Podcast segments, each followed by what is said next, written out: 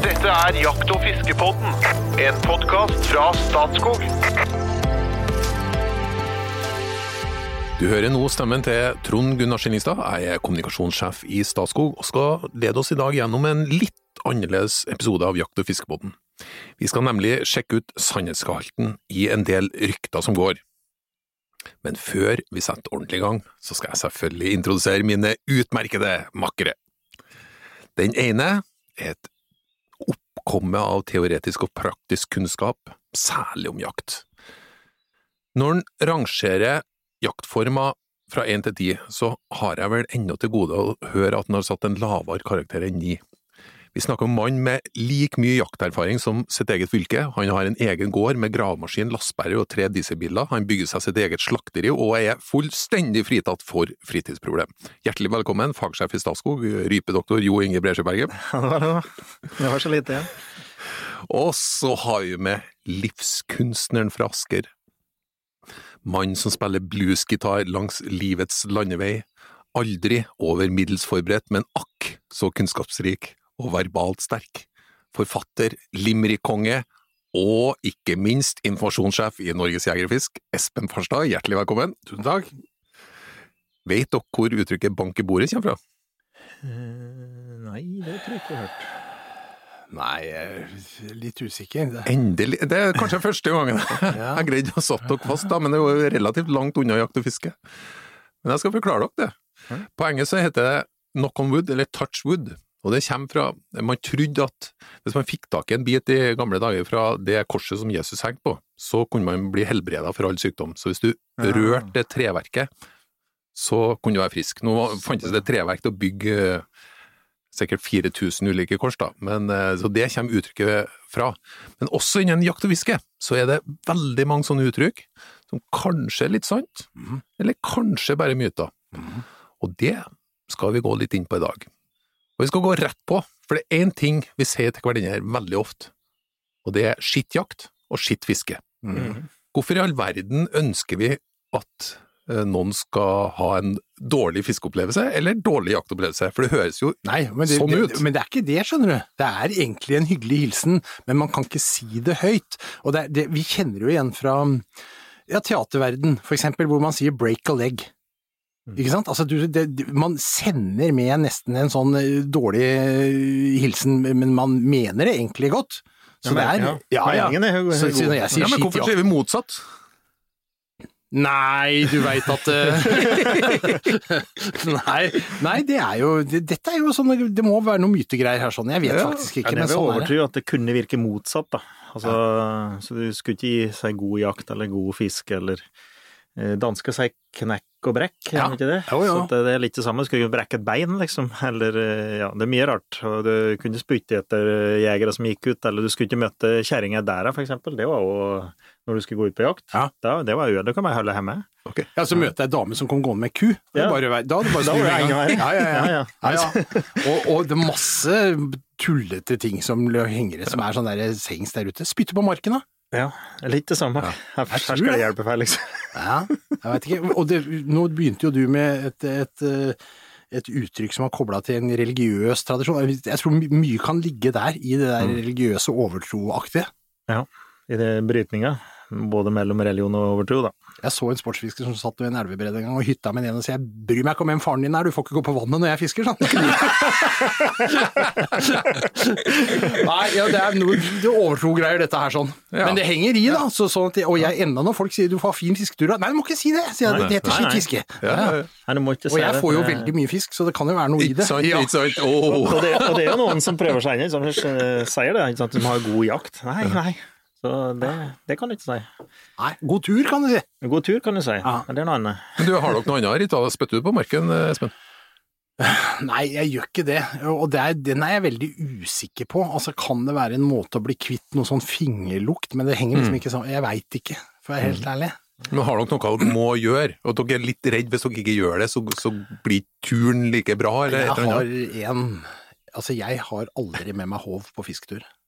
Nei, riktig. Nei, Nei. det er. Nei, jeg har ikke dette! Og for jeg har ikke med håv, nei. Ja, men får hun opp? Ja, det hender. og så hender jeg mister den, jeg får ikke hjelpe, liksom. Jeg vil ikke ha med håv, så er jeg nesten sikker på at jeg ikke får fisk. Mister trua med en gang. Ja, men det er litt slik det er, ikke sant. Og tar du med kamera, så får du i hvert fall ikke noe du kan ta bilde av.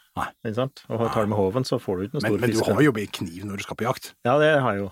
Ja. Men, eh, men det, er slik, det, er, det er litt slik overtro, tror jeg. Ja. Bestefaren min han var såpass overtroisk at han, han gikk ikke ut av land på fredag den 13. Han var ikke ute til, han var ikke ute der Ok, Okay, ok. Ikke helt sant. Men det, henger jo, det henger jo faktisk fortsatt igjen, selv om all statistikk viser jo at det er kanskje er den tryggeste dagen i løpet av året. Ja, ja. Men det er kanskje av at folk er litt ekstra oppmerksomme. Altså, det er ikke statistikkdrevet, den frykten her. Nei, Det er- det, det er vi ganske sikre på. Nei, men det, det er interessant at statistikk ikke tar livet av myten. Ja. Jo, men vi er jo gode til å ikke ta til oss kunnskap hvis vi ikke har lyst. Ja, ja det er sant det. Det, er sant det. Men ok, vi skal gli over til noe mer håndfast. Eh, eh, sau på beite Ja. og rype. Ja. Det er for mange en eh, veldig ugunstig kombinasjon. Man tenker at eh, når det er sau på beite, så blir det lite rype i det området. Er det sant? Rypedoktor Jo Inge Brensjeberget. Ja, det er jo et lite minefelt, da. For det, jeg, forsker litt på det. Um, uh, og konklusjonen eh, det, det var faktisk et norsk prosjekt på det. Uh, ganske bra prosjekt òg. Veldig flinke folk. Og var fryktelig forsiktig i konklusjoner. Eh, Jeg kanskje med er redd for å tråkke noen på tærne, jeg vet ikke. For beiteretten i Norge er fryktelig sterk. Den, jo, den trumfer jo det meste. Altså, du kan jo ha beiterett som går på tvers av eiendomsretter og uh, det ene med det. Er en fryktelig sterk eh, rettighet i Norge. Og det er mye sau på beite. Fryktelig mye sau. Og konklusjonen i den artikkelen var at uh, moderat beite, det var positivt for mange arter. For du, uh, du begunstiger mange arter ved lett beiting. Eh, sau er jo ganske flink til å plukke og ganske, kan være nøysom, da. Å plukke urter og liksom bare eh, forholdsvis forsiktig beiter. Ja, ja. Det ville begunstige en del arter. Men for mye beite, det var, var ugunstig, og samtidig er jo at du får sau som da både tråkker, altså du kan risikere å tråkke sunt egg, rett og slett. da. Mhm. I tillegg til at sau kan finne på å ete egg. Altså hvis det er mange nok, og okay. så kommer det over et rei, så kan de jo faktisk ta det i seg også. Rovsau. Ja, vi skal ikke overdrive det, da, men, men det er jo ganske vanlig at uh, dyr eh, altså, Det er en eller annen mekanisme, får i seg kalsium eller noe, at eh, de tar egg selv om de ikke er rovdyr i utgangspunktet. Og så det er ikke minst at du tråkker i filler, da. Uh, For en sau ser ikke hvor en tråkker, og ligger det i høner, og så flakser den til, og man tråkker ned i reiret, så tenker ikke den over det. Så det er mange faktorer som spiller inn her, men eh, konklusjonen den gangen i hvert fall var at uh, fryktelig mye sau på beite, altså tette konsentrasjoner, var uheldig. Ha med deg um, flått, du kan ha med en del uh, insekter, og du får, du, får- liksom, du forringer balansen litt her, da. Mens uh, moderatbeite og lettbeite, det var, kunne være positivt, faktisk. Så det, det er både ja og nei. Men spørsmål her, Jo Inge, for at du kan jo mer om dette enn meg, men jeg har jo også lest at særlig på skogsfugl som har veldig Hvorfor har man sånne årlige fluktuasjoner i bestanden? Det er voldsomt, et dårlig og godt år og sånn hele tida. Eh, og man leter jo etter årsaker til dette, det er mange sammenhenger og smågnagerår og sånt, men og noe som også har vært oppe der, det er jo nettopp dette med beite, at plantene utvikler antibeitestoffer. Altså det er plantenes på en måte strategi for å overleve hard beiting. Og det er klart i et område som, ja, la oss si Hardangervidda da, hvor det er store mengder sau Mm. hvert år, hele sommeren, ikke sant, som beiter og beiter og beiter, så, så skulle jo det potensielt kunne være noe her. Eh, men så merker jeg jo at når du svarer, så svarer du ut fra det eh, politiske bildet du er i. Det er jo egentlig et veldig politisk svar, fordi at, eh, og det kan jo jeg si noe om, altså vi som er jegere og fiskere, vi skal jo gå til grunneierne og få lov til å jakte og fiske på deres områder. Det er samme grunneieren som har sau der ute, ikke sant. Man er vel kanskje litt forsiktig med å slå hånda av, av sin herre i denne sammenheng, da. Ja, ikke sant. Og, og politisk sett så er det veldig uklokt. Vi har jo hatt problematikken med spredning av skrantesjuke og CVD, det har vi jo snakka om i podden før, på Hardangervidda. ikke sant? Altså, man legger ned knallharde restriksjoner, skyter ned villreinstammen, folk får jo nesten ikke lov til å gå inn i området, det er ikke lov å bruke saltsteiner på vilt i hele Norge, men sauen er til stede og vandrer rundt i samme område, ikke sant? Ja. Så det er noe med, det er et politisk dyr. Vi snakker om kuen i India, vi snakker om sauen i Norge, ikke sant? Og om dette slår inn på rypeske, jeg skulle likt å hatt enda mer faktabasert vurdering av dette, og ikke en politisk vurdert vurdering, rett og slett. Ja, men vi veit som sagt ikke godt nok, da. Nei. Så den studien som den beste jeg har sett, da, den, eh, den er veldig forsiktig i konklusjonen. Ja. Men det med antibeitestoffer, er det, her er det noe greier, er det ikke det? Ja, det er det. Det er helt klart. Og eh, problemet med den er at eh, vi er jo ganske sikre på at det er predasjon som er med og driver de her store svingningene. Og så tar du inn det med antibeitestoffer, så får du gode korrelasjoner. Men det er det det er, det er korrelasjoner. Mm. Sammenhenger, altså. Sammenhenger, så det behøver ikke være det behøver ikke være det som driver. Vi er helt sikre på at det er predasjonen som driver, men at eh, er et tillegg, da. At det er med og skaper de her eh, svingningen. Det skulle ikke forundre meg om ting hang sammen i naturen. Nei, ikke sant? Det, det er noe der. Ja. Veldig finurlig slik. Det blir som regel sauen tatt inn før eh, rypejakta starter. Ja, de aller Ja. fleste har jo, har jo sankedato. Det er ved 15. stort sett som er siste dagen, da. Men de fleste Men- sanker før det. Men det har jo ikke så mye med dette spørsmålet å gjøre, for det er jo mer om jakta, eller sauedriften påvirker jakta, liksom. Men nå snakker vi om rypebestanden, ikke sant. Og den Ja. er jo eh, det, Mm. det, ja, det blir jo et annet spørsmål. Ja, ja. Ja. En, ja. Nei, ok, vi skal gli litt videre. Eh, en gang tidligere så snakka vi om at en, eh, Espen faktisk greide å drepe et dyr eh, uten å treffe det. Ja. Eller det vil si, du, du greide Kanskje, det er, kanskje det er vanligere enn jeg tror. Nei, men det, det skjedde det faktisk, at jeg skjøt en, en orrhane på topp med rifle. Eh, og da jeg var Du farlig nærme, da. Du, da jeg plukka den opp, så altså, den, den datt jo rett ned og var stein daud. Og da jeg plukka den opp, fantastisk opplevelse, for det var sånn der ordentlig kald eh, dag med sånn der eh, diamantsnø, liksom, og det var liksom helt eventyr. Og så løftet jeg den opp, så var det ikke spor etter skuddet. Det var, og det var ikke når jeg gjorde opp den fuglen heller. Liksom, det var ikke, jeg kunne ikke se at jeg hadde treffet den. Så den må ha liksom, eh, jeg vet ikke, hatt en dårlig dag på jobben. Da. Så det, jeg, må, jeg må ha snidd den, rett og slett. Ja. Men det ansporer egentlig et annet spørsmål, for det, det har vært en debatt som har gått. Går det an, går det an å drepe dyr med en sjokkeffekt? Altså uten å treffe eh, vitale organ, men eh, at, at dyret drepes av sjokket, er det, er det mulig? Nei. Nei. Nei, det er en seiglivet myte. Og jeg så senest i går, eller før dagen, det kom ei brosjyre med Jeg tror det kom i Jakt og fiske, i hvert fall eh, reklame for noen patroner. Og de hadde stor eh, sjokkeffekt, sto det. Ja, men kjempebra det, hvis de har det. Men, eh, men dyr dør av enten at du lammer sentralnervesystemet, altså hjerne, ryggrad, sentralnervesystemet, eller vitale organer, da. I all hovedsak hjerte, lunge, de indre organene. Så skudd i hjerne, ryggrad, eller i hjerte, lunge, typisk, da. Det er det som må til. Og fugler de trenger ganske få hagl, altså det er hæla som treffer. Det er antall hagl i kroppen som avgjør om de dør eller ikke. Og det, en trost kan trenge kanskje bare to hagl, og en ei gås kanskje ha fem-seks. Det er det å forsker på, faktisk. Eh, og det er nuk, og så er den energien da, som kommer ifra det skuddet. Det er jo, de blir jo rett og slett slett over ende. Det er jo kanskje det de tenker på, med den sjokkeffekten. Ja, for det at definisjonen på sjokkeffekt er litt uklart for meg. Hva mener de egentlig med sjokkeffekten? Altså, det er, altså, en ting er jo at du treffes jo av en haglesverm i 350 km i timen. Noen og enhver kan jo kaste litt på seg da, selvfølgelig. Og så det du sier med å slå ut Altså, det som egentlig dreper som skaper død, er jo utblødning, ikke sant? I Ja, blodtrykksfallet. Ja, blodtrykksfall i indre organer. Om det skjer med rifle eller med hagle, det spiller for så vidt ikke så stor rolle. Men så har du jo da, som du sier, det med sentralnervesystemet. Altså at du på en måte treffer noe av det. Er det eh, kan det være det som ligger i begrepet sjokkeffekt? Kan jo bli svimeslått. Ja, eh, jeg, jeg tror eh, det kan det være, da. I hvert fall når vi prater om hagle, så kan det være det. For du, du får liksom den umiddelbare virkningen.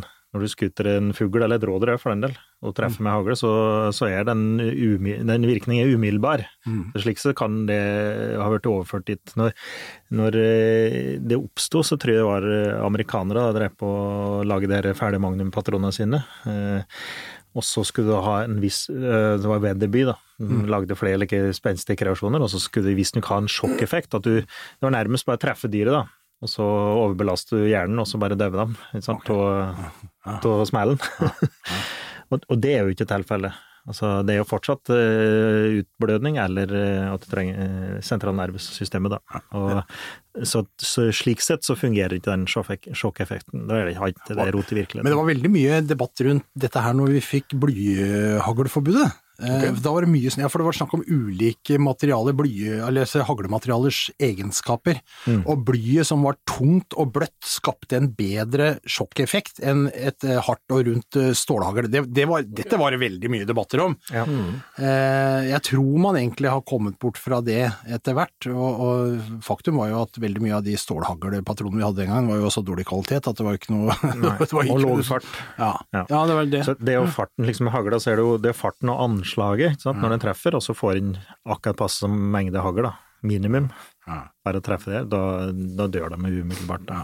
Men, så er jo, ja, men det er en annen sak der, bare for å nevne det. For at hvis du har stor altså grov hagl på vismut, for eksempel, så pulveriserer seg, så får du ikke da, da virker ikke hagla godt nok, men da, da virker den ikke i forhold til det som Jo Inge beskriver, ikke sant? Altså blod, blodtrykksfallet og, og, og den der mm, Nei, Det er helt riktig, og det oppdager jo danskene når de innførte sine skovhagl. Det var i all hovedsak vismut. Ja. Så skjøt de gås og rådyr på samme hull som de har gjort med eh, bly. Ja. Og det funker ikke like bra. Nei. Det som sier, det, det sprøere materialet, og så splintrer hagl og får ikke den samme inntrenginga. Mm. Og så kan du jo si sjokkeffekt, men, eh, men det er jo rett og slett at du ikke når, ikke når inn i hjerte og lunger. Mm. Nei, men det jeg lurer på er om, eh, om sjokkeffekt er det slaget man får, med det trøkket man får når det kommer noe i høy energi. Hvis det ikke tar vitale organ, organ, så får det en sjokkeffekt. altså For dyret blir, kan jo bli felt over ende uansett. Ja. Men, Men du dør ikke at det. det sjokkeffekten ikke dreper dyret. Nei, hvis du skyter i bakbeinet på et rådyr, for å være litt Ja. eh, rå i kanten her, sånn, så Ja. kan det nok vippe i bakken, men det kommer til å sprette opp igjen og løpe. Ja. ja. Eller treffe en ryggtagg, et klassisk eksempel. Mm. Kvetter over enden, og- så går det i stand, og så får de svømme seg og kommer seg på beina igjen. Jeg har skutt elg, eh, elg i høyne, for eksempel. Det har Mhm. vi på hørt om. Og jeg som har sett et utall filmer fra Hollywood, når du blir skutt, når du har på deg eh, sånn skuddsikker vest, Ja. slått over ende, men så viser det seg at de har skuddsikker vest under, lever likevel. Ja. Men det svimer av et lite øyeblikk. øyeblikk. Men altså, den Hollywood-døden, bare for å ha sagt det, den er, den er jo ikke reell. Altså, her blir man skutt, og så vakler man bakover og, og holder seg på hjertet og er sender sånn. tanker til mor, liksom. Det er ikke sånn. Du går jo rett i bakken og er død. Ja, Det er som å skru av en bryter, ikke sant. Ja. Sånn at det, det der er ikke riktig, rett og slett. Det er litt som de gamle vikingkongene som rakk liksom å komme med noen kloke ord. Ja, forveik, de for sang. veik, er kongens bue. For slapp er din sjokkeffekt. Ja, han sa jo det, Einar Tamborg. Altså, eh, jeg husker ikke akkurat han som fikk skør opp magen, fikk banesår. Og så her gjelder det ikke snuble i trådene, sa han. Det var liksom akkurat passe å være inn i kampen igjen, liksom. Nei, med de bevingede ord så skal vi gå til et eh, veldig konkret spørsmål. Når du skjøt en bever, og det, vi snakker ikke om sjokkeffekt, du dreper bever. Synk den? Ja, om en død bever kan synke? Ja. Ja, det er en klassiker. Det er en klassiker på jegerprøveeksamene. Det tror jeg faktisk jeg hadde Jeg tok jegerprøve i 91, tror jeg faktisk jeg hadde som spørsmål på jegerprøva den gangen. Ja, de kan faktisk det. Eh, De har jo litt annen anatomi enn eh, andre arter. Den, eh, de fleste bevere jeg har skutt i, har fløte i, altså. Men eh, jeg har vært med på å miste bevere som har, rett og slett har søkke. Så, det, så en død bever kan synke, ja. For det, her snakker vi om en, en ganske en Meget skapning med- kompakt. Ja, en kompakt meget kompakt skapning, og med, og med godt, godt fettlag. Ja. Ja. Ja. Og, og en ekstremt tett pels. Det er jo bare noen få som uh, oter, og noen få som kan, kan eh, blande seg med den, den tette pelsen. De eh, har jo antydet 23 000 hår per kvadratcentimeter. Mm. Det er jo helt ekstremt. Ja. Og Skutter den på slik passe hull med elgrefle, så behøver ikke kula gå igjennom. Så kompakt er den. Men, eh, men det skjer som sagt at den kan synke, ja. Så det er en klassisk Men- Men, men det, er et, det, det, er, det er riktig, men men kanskje mer relevant er, er det spørsmålet der når du jakter sel. Mm. For at sel har den egenskapen, det er jo også spekk og fett Ja. og masse greier, men den synker jo også, så det er avhengig av hvor mye luft den selen har i seg. Ja. Så øh, jeg har vært på seljakt borte i Rogaland og med en øh, veldig flink seljeger, hei Andreas, og da, da fortalte han meg at du, du ligger, og her sikta vi jo på dyr i vannet. Eh, så Det er jo en jakt i motsetning til alt annet. Du skyter på dyr i vannet, det skal du ikke gjøre på andre dyr, og du skyter på huet, det skal du heller ikke gjøre på andre, men det gjør du her. Vi skyter rett forfra, sånn at jeg er sikker på at hvis du treffer, så treffer, da er det dødelig, liksom. Vi skyter ikke fra sida med fare for å skyte deg sånn. Men så ligger du og ser på selen, og den ligger sånn og, og dupper, og så dupper den, og så rett før han skal dukke under, så, så reiser han seg litt i vannet, for da trekker han ekstra luft. Da Ah. skal du skyte, Ah. for da flytter han. Ja. Men eh, det er jo litt, litt, lettere sagt enn gjort. da, sånn at i den der er båten som vi vi jakter jo på grunne områder. I den båten så er det vannkikkert og et tau med en sånn ordentlig trebelkrok på, så du rett og slett kan kjekse den og dra den opp. Hvis det, for den dør jo, det er bare det at den synker. Men se, for sel er dette en reell problematikk da under seljakt. Jeg må spørre, vi burde jo kjøre en egen episode, men kjøttet på sel og sånn? Jo, det er nydelig. Dette er Det er som hvalkjøtt. Lang, lange riggfileter. Ja, og, og veldig sånn mørkt rødt kjøtt, ikke sant. Altså, det, er jo, det er jo et pattedyr som skal holde med, med, med et vekselvarmt dyr som skal holde varmen i en kald sjø. Så har den spekklage, og så har den en stor grad av gjennomtrenging av, av, i blodet, med, og sånn, så her blir det veldig sånn mørkt. Hvalkjøtt. Minner om hvalkjøtt. Men veldig sårbart for transmak, så oh, ja. er rett av med absolutt alt Du som må har med ikke fett å ete gjøre. feite for å si det slik. okay. ok. ok. Hvis du ikke er spesielt glad i tran da. Nei, det er vi jo ikke. på kjøttet ditt. Eh, Et annet spørsmål, og det kjenner jeg litt til sjøl, så jeg har ikke noe svar på det, men eh, det er ganske mye snakk om eh, tvillingkalver. Ja. Eh, På, særlig på elgjakt, da. Det er lange tradisjoner rundt tvillingkalver. Flere problemstillinger. Mm. Eh, noen mener at du ikke skal skjøtte tvillingkalver i hele tatt. Noen mener at eh, jo, du kan skjøtte én tvillingkalv, for da unngår du at eh, kua får uh, jurbetennelse, osv., osv. Det er ganske mye rundt tvillingkalver. Mm. Er det, er det myter ute og går her, eller er det, eller er det godt begrunna valg? Ja, det, det er vel noen myter ute og går her òg, ja. Um, men det, litt, det problemet er at det ofte er litt ulik praksis. Det vil si det at du ikke skal skute dem, det kan jo ha noe for seg. Eh, I en normal, stabil bestand så har du da en, en ku som produserer, så har hun tvellingkalver, Så har det lett for å få tvellingkalv året etterpå og året etterpå, så lenge hun er i god kondisjon. Så da, slik sett er det smart å spare den kua, for vi produserer like mye på ei ku som på to andre, da. Eh, og for at ikke den skal bli skutt i, så kan det være en fordel å ikke skute tvillingkalven. For da, Så vet at det er vet at det er et tvillingkua, ikke sant? For skuter du den første kalven, da, da er det fortsatt bare ei ku med en kalv. Mm. Og så detter den kalven, så er det sjanse for at den kua kan bli skutt i. I et like, passe stort område. Så, så det kan ha noe for seg. Men det hjelper jo, det, det, det, det, det er veldig typisk at eh, du har i vårt lag så gjør vi det slik, så har de fasiten. Og så i andre laget, det har vi alltid gjort det slik, så har de fasiten. Og så er den tredje laget slik, hvor du Spør du ti lag, så har du fått elleve meninger når du kommer rundt bordet. Da er de, Alle har fasiten, og alle vet akkurat hvordan det skal gjøre. Men hadde de bare kunnet samarbeide, da, altså sagt at vi skuter ikke Tellingkalvet, eller vi skuter bare én, så, så hadde du i hvert fall hatt noe å forholde deg til. Men det, det tror jeg ikke du får til. Så det er en liten myte. Og om du skutter den ene, så får jeg jo ikke jurbetennelse for det, da. Den andre får jo bare mer mat, så det er jo ikke noe vanskelig slik sett. Tvellingkalver er litt mindre enn vanlige kalver, altså enkeltkalver. Eh, Generelt så er de ofte litt mindre. Så det, Det kan jo være kan jo være en driver for en myte. Vi skyter ikke tvillingkalver, for det er jo egentlig dårlig mat. Ikke sant? Det, ja, den Men det er jo ikke det. Da. Altså, men den kan jo være litt mindre. Det er ikke uvanlig at de er litt mindre enn en enkeltkalv, da. Ikke sant? Eh, ja, så det, det er mye rart ute og går. Men er, er det ofte, oppstår jurbetennelse ofte? Har vi noe, har vi noe peiling på det? Nei, for det, eh, jeg tror dette har vært Dette er nok en litt myte, det òg. Eh, lenge Jeg tror det høngehatt faktisk er vi begynte å jakte kalver, når vi la om forvaltningen på slutten på 60-, tidlig 70-tall. Da var det forbudt å skute kalver, skjøt du bare kua. Og så ble det plutselig speilvende og bare skute kalver og ungdyr. Og da var det et eh, argument, da, for her får du ikke ville skute kalver. Det var jo for at da kunne de ikke få jurbetennelse, for det hadde de jo sett mest sannsynlig på sine egne husdyr. Ikke sant? Mange var bønder og drev på med husdyr. Sett at de kunne få jurbetennelse hvis de ikke, ikke melka fikk avsetning, da. Eh, Det kan, elger kan få jurbetennelse, men de får ikke det hvis de mister kalven. Da, da mister de eh, melkeproduksjonen ganske fort. Den er jo stimulert til at kalven eh, dier, da. Så, Mm. så det, det går ganske fort. Mm. Og i den grad du skuter ei ku, og det er en hattkalv, så vil du se at du har melk i juret, men da er de, jura eh, tømmer seg ganske kjapt for melk etter at, etter at kalven begynner å suge på dem.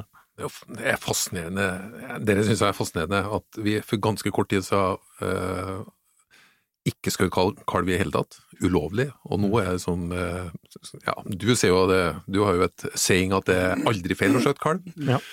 Men det er så mye meninger rundt omkring, og sånn som du sier da, det er, det er, det er ulike meninger i ulike jaktlag. Ja, det er det. Og er og, en- regioner òg. Ja. Vi, når jeg jobbet Nordafær, så var det, det var hele kommuner som nektet å skutte kalv ennå, liksom. Ja. Og jeg hører liksom i spesielle områder rundt omkring, så er det fortsatt stor motstand mot det å skutte Den debatten går. Ja, det er det. Jeg, jeg, jeg Vi møter blir ikke den flere ganger gjennom året. Nei. Fra ulike sider, liksom. Så møter vi folk som tar opp det. Må dere få slutt på den kalveskytinga, liksom. Det henger i det. Ja, for det, det er jo noe som det, er ikke sant? Det, det er jo ikke bare et rasjonelt spørsmål, kan du si, på kjøtt videre. Det, det er nok noe med å skjøte, skyte et barn.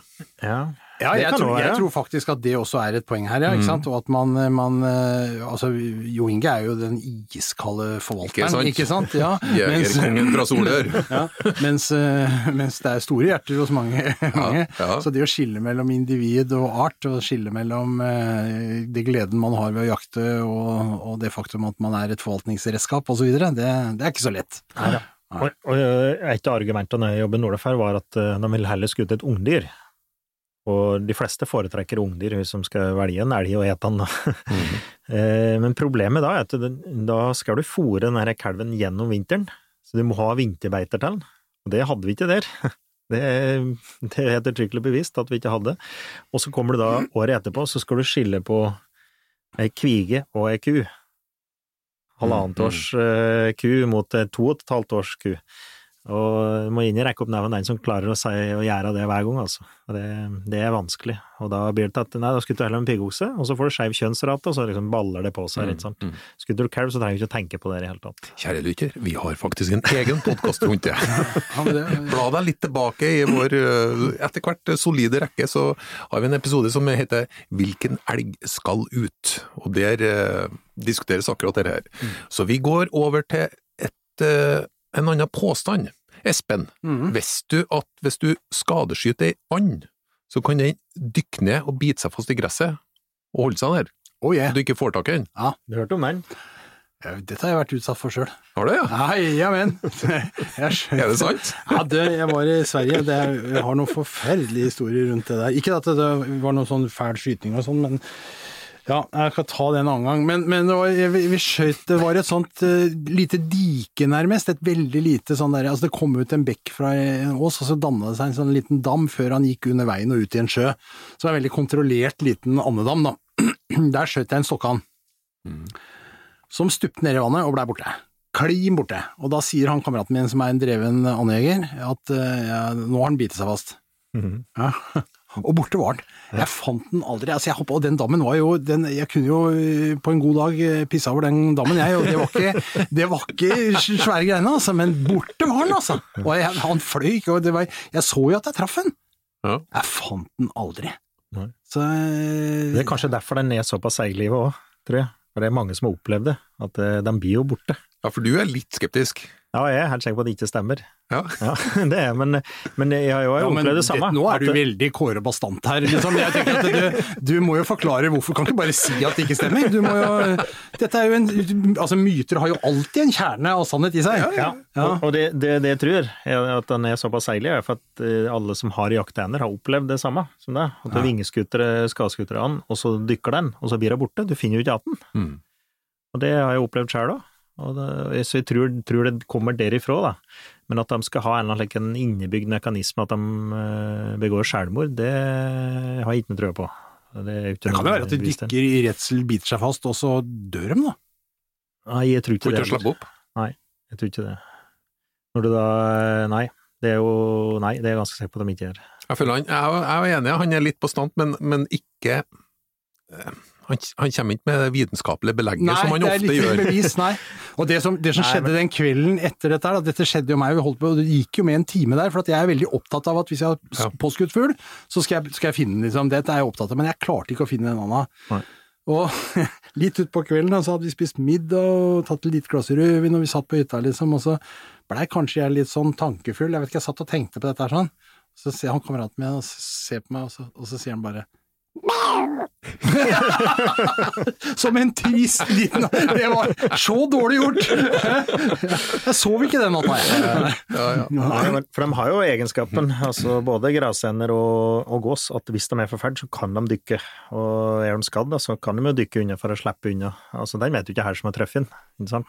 Mm. Men at den da skal holde fast, og så dø, og så klare å holde det grepet fortsatt, det har jeg ikke noe tro på. Altså når muskelen ikke er i aktivitet ennå. Så vi legger den død. Nei, Jeg er altså, det, er, det usikker, er er ikke ofte vi er uenige i potten. Jeg lar meg ofte overtale av Bresjeberg, men her tror jeg han, han er for god til å skyte. Han har ikke opplevd det. Jo, jeg opplevde det, blir borte, men eh, jeg har ikke noe tro på at de sitter og begår kollektivt selvmord. Men beveren synker, liksom. Ja, ja. ja, ja. Vi lar den henge i lufta, Ja, eh, og går over til noe vi har vært innom så vidt før. Rakkelhana. Ja. Ja, det, er en, det er en gatemiks, ikke sant? Det er en En gatemiks, ja. ja. Det kan man si. Skogsmiks. Ja, skogsmiks, ja. ja, ja, ja. Er de sterile? Det har vært lenge påstått, det, at de er sterile. Um, og de er jo Det er jo noen artige skapninger, da. Så setter de på, på naturfilmen, så, så er de jo De, ofte, de jeg har sett, det er jo ser ut som en stor ærane. Altså, det Ja, for det er orr, eh, orrhøne og Nei, eh, orrhane og røy Ja. som har para seg. Ja. Det, kan, det kan gå begge veier. Okay. Så, så Mhm. at du kan ha en tiur som parer ærøn òg, altså teoretisk. Og det kan være orrfugl og ryper òg, kan faktisk hybridisere. Så det, er, det, her, det kan oppstå forskjellige varianter, men den mest vanlige raklane vi tenker på, er eh, ærane og, og rei, da. Eh, Men så gjorde det var noen norske forskere her i fjor, eller forrige året, som, ja. som gjorde et, eh, en genmodifisering Ikke modifisering, men de tok en gentest, da. Altså på en, et skinn, altså fra en raklanda, som er i en samling, på Vitenskapsmuseet. Og så hadde de da flere skinn som klarte å eh, måte ta ut det genomet, da, og fant ut at den de testa, den var andre generasjon. Så faren måtte ha vært i raklanda. Ok. Han var ikke førstegenerasjons raklanda.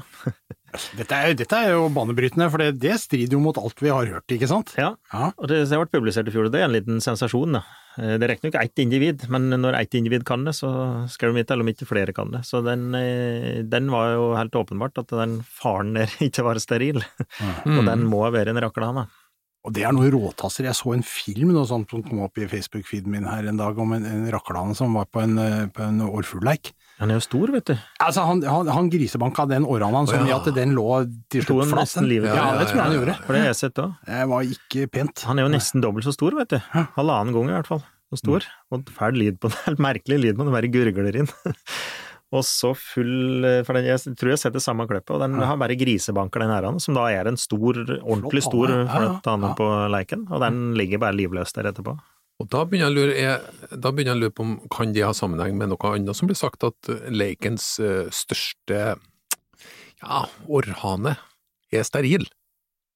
Ja, eller i hvert fall, ja. eh, Både ærene og, og fjørane, eller tiur, da, har blitt sagt det. Ja. Det her er jo nok noe gammelt ifra vi drev med leikjakt. Eh, Og da var det liksom eh, den Altså jakt når det var På tiurleiken. Ja, Eller på på våren egentlig, da. Ja, Mm. vår spelljakt, da. Da de gr hadde med seg Var det var ikke det, De, de, i tønna de her? salta tydeligvis i tønner. Ja, Ja, ja. Ja, ja. Nei, det var jo lev fram til 51, da vi fikk viltloven i 51. Og det var nok noen som drev på med det etter det òg, men eh, det var i hvert fall eh, helt vanlig ja, på bygden at du jakter på leiken. Og da de største tiura, og sikkert de største ærene, de var ansett for å være så feite og store at de ikke kunne fly, og at de var sterile, og det var, liksom, det var, og de var trølltiurer, de var omdannet trøllkjerringer og alt som var, så om jeg hadde fått tatt den, da. Men det har nok ikke rot i virkeligheten heller. Men den- utmerker seg, da. Særlig på tiurleiken, så den største utmerker seg, den fikk eh, trakk damene, ikke sant. Det var, eh, var liksom kongen på leiken, så det var lett å finne den til slutt. Mm. Og at den da ble, eh, ble skutt i, og så kunne du lage en eller annen plausibel forklaring om at den var steril eller feit eller tung eller ikke kunne fly eller noe etterpå, da. Nå er det limerick-tid, for nå fikk jeg det innsmettet jeg trengte for en liten limerick her. Hvis det er Eh, greit. Vi begynner å prate om tiår, da. Nei, det går ikke på det egentlig, det går egentlig på deg. Oh ja, Jo, Inge. Ja, fordi at du er jo du er kunnskapsrik og slår ofte fast sannheter, eller avliver myter, har vi jo da fått med oss også nå. Eh, basert på kunnskap, men ofte også litt gammel kunnskap. Du er jo på mange måter en, eh, en gammel sjel i en ung kropp, syns jeg. Så det har lytterspørsmålet her. En spørrende podlytter fra Toten lurte på hva han skulle ha på foten når han gikk ut på jakt og på vei hjem med slakt. Jo Inge svarte gummistøvler går aldri av moten.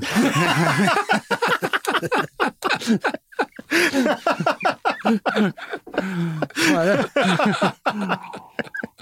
Hørte sine egne skader. Ja da. Det er det. Ja ja, nei vi skal begynne å gå ned for landing, men eh, skal vi, skal vi ta med et par stykker til? Ja, for all del. Kjør på.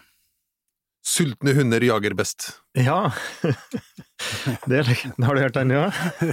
Nei, du vet, jeg er jo støkkjeger, men jeg, jeg vil helst være mett når jeg går ut. Men det, så dette får du svaret for. Ja, det, det tror jeg er noe som henger igjen fra skikkelig gammelt òg.